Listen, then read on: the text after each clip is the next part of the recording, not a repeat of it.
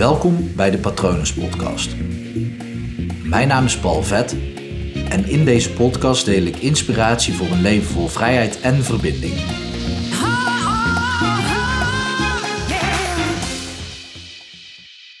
Trap niet in de hypnose van droomdieven. Ja, ik weet het, ik ben met hypnose bezig.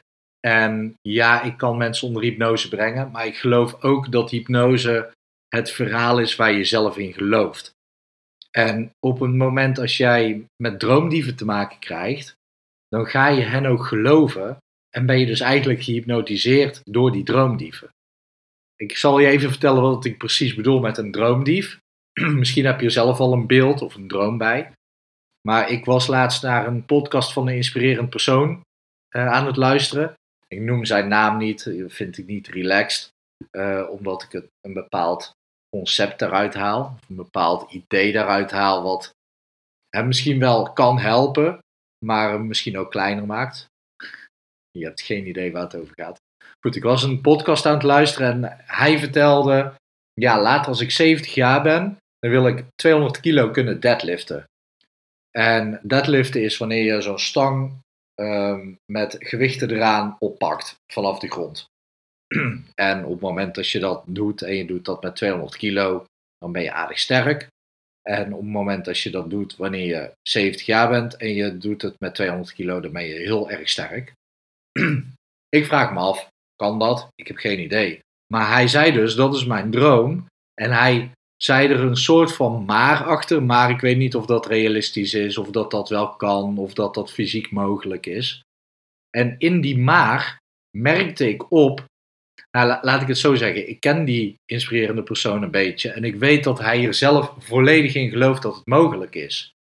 Echter, die toevoeging die hij eraan toevoegt, is meer om eigenlijk dat ding waar hij zelf in gelooft, wat naar beneden te halen. Om een beetje voorzichtig te zijn in zijn uitspraken. En dat is iets wat ik op internet vaker merk: dat mensen ergens van overtuigd zijn, maar het wel kleiner proberen te maken. Ik weet trouwens zeker dat ik daar zelf ook wel uh, mezelf daar ook wel eens schuldig aan maak. Maar kleiner proberen te maken omdat andere mensen er anders over vallen. Dat je misschien niet zo groots moet spreken of niet van die surreële dromen of ideeën erop na moet laten. En ja, die mensen noem ik droomdieven. Want eigenlijk is het zonde. Op het moment als iemand toch gelooft van ja, als ik straks 70 jaar ben, dan is mijn doel of dan wil ik dat ik gewoon 200 kilo kan deadliften. Ja, top toch als iemand dat denkt dan heeft het toch weinig nut om te zeggen. Ja, ja, dat zou ik ook wel willen, maar uh, ja, dat kan ik nu niet, dus laat staan wanneer ik 70 ben. Of zoiets. Ik, ik vind het heel erg zonde dat als iemand een droom deelt, een passie heeft voor iets, dat andere mensen dan diegene naar beneden gaan halen. En dan soms niet eens bewust hoor, soms gewoon vanuit hun eigen geloofsovertuiging dat het niet mogelijk is wat diegene zegt. Maar ja, het raakt me gewoon. Ik vind het gewoon jammer, want op het moment dat je toch een mooie droom hebt, dan is het toch alleen maar mooi om dat na te streven. Los van of dat het mogelijk is of niet. Dat doet er eigenlijk al niet eens toe.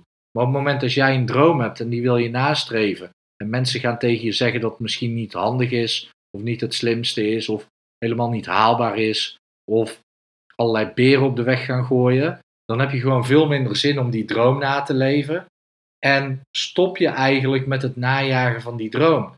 Terwijl, en dat is echt heel belangrijk om met alles te beseffen, het gaat helemaal niet om het behalen van die droom.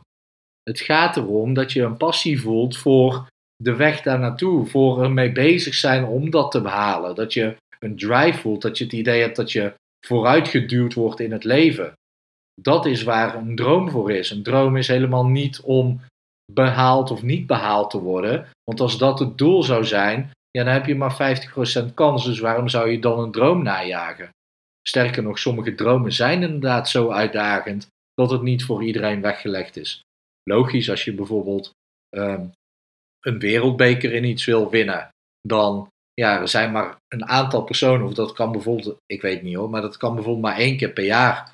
Dus ja, in de tijd dat jij dat nog fysiek echt aan kan om de beste daarin te zijn ter wereld, ehm, Misschien ben je al over die fysieke grens heen. Dan zou ik het alsnog uh, toejuichen om het te proberen.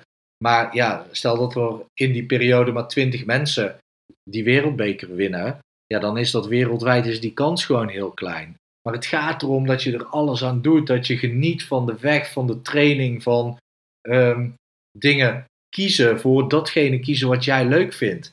En ja, ook heel veel dingen dus weglaten die je niet leuk vindt. Maar op het moment als iemand zo'n droom uitspreekt, gun diegene dan het hebben van die droom en het najagen van die droom. En laat je dus niet bestelen door droomdieven. Misschien moet je dan mensen van Inception wel inschakelen, die dus een beveiligingsmechanisme gaan zetten op jouw droom.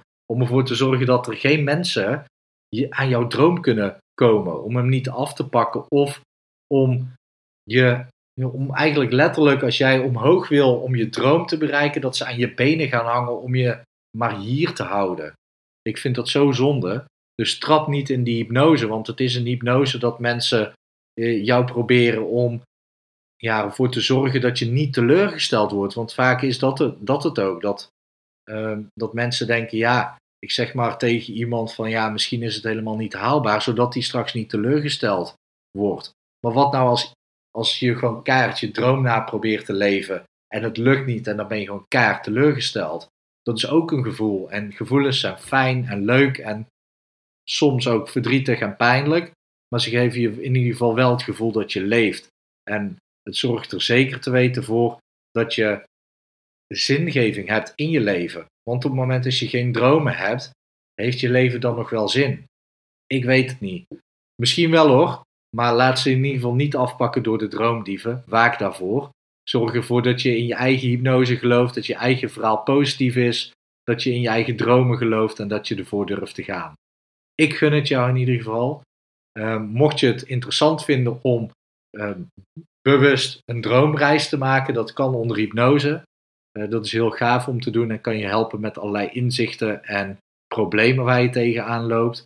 Um, dat is in één sessie, kan natuurlijk met allerlei andere dingen ook helpen, maar daarvoor moet je maar gewoon even op de website kijken www.hypnopal.nl of gewoon palvet.com, die werkt natuurlijk ook nog steeds. Praat met me mee op social media, op Instagram, uh, Facebook kan je me allemaal vinden, LinkedIn onder Palvet. En op mijn website zie je wat ik allemaal voor je kan betekenen. Ik hoop dat het goed met je gaat. Ik hoop dat je hele toffe dromen hebt en ze aan het najagen bent. En ik wens je nog een hele mooie dag toe.